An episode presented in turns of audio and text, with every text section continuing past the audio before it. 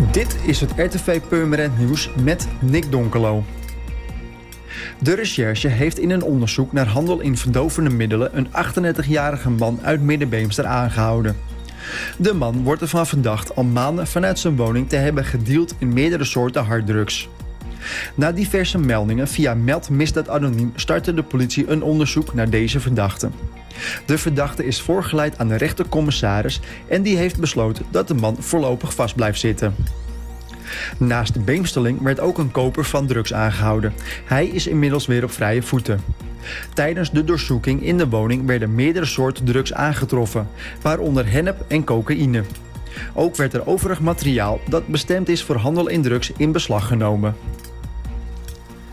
Met de aanleg van het laatste stukje fietspad tussen de Sluisbrug en de Melkwegbrug is de fietsroute die Purmerend en Amsterdam met elkaar verbindt nu officieel af. Een voordeel van de 13 kilometer lange fietsroute is dat grote wegen en kruispunten grotendeels worden vermeden, waardoor fietsers binnen 40 minuten in het centrum van Amsterdam kunnen zijn. De fietsroute is onderdeel van het fietsbeleidsplan dat in 2010 gemaakt is door de gemeente Purmerend en in afstemming met de vervoerregio. De fietsverbindingen vanaf Purmerend worden nog verder uitgebreid. Er ligt een plan klaar om ook aan de noordkant bij de Sluisbrug een fietsroute richting Zaanstad en Horen aan te leggen. De politie heeft onlangs een 52-jarige inwoner van Purmerend aangehouden op verdenking van dierenmishandeling en mogelijk ontucht met een oude pony.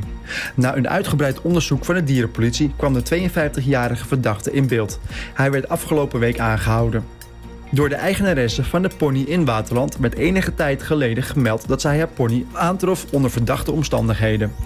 De pony had onder andere een strop om de hals en vertoonde angstig gedrag. Het vermoeden bestond dat de pony was mishandeld.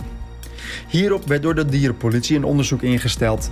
In dit onderzoek werden onder andere forensische sporen onderzocht en camerabeelden bekeken.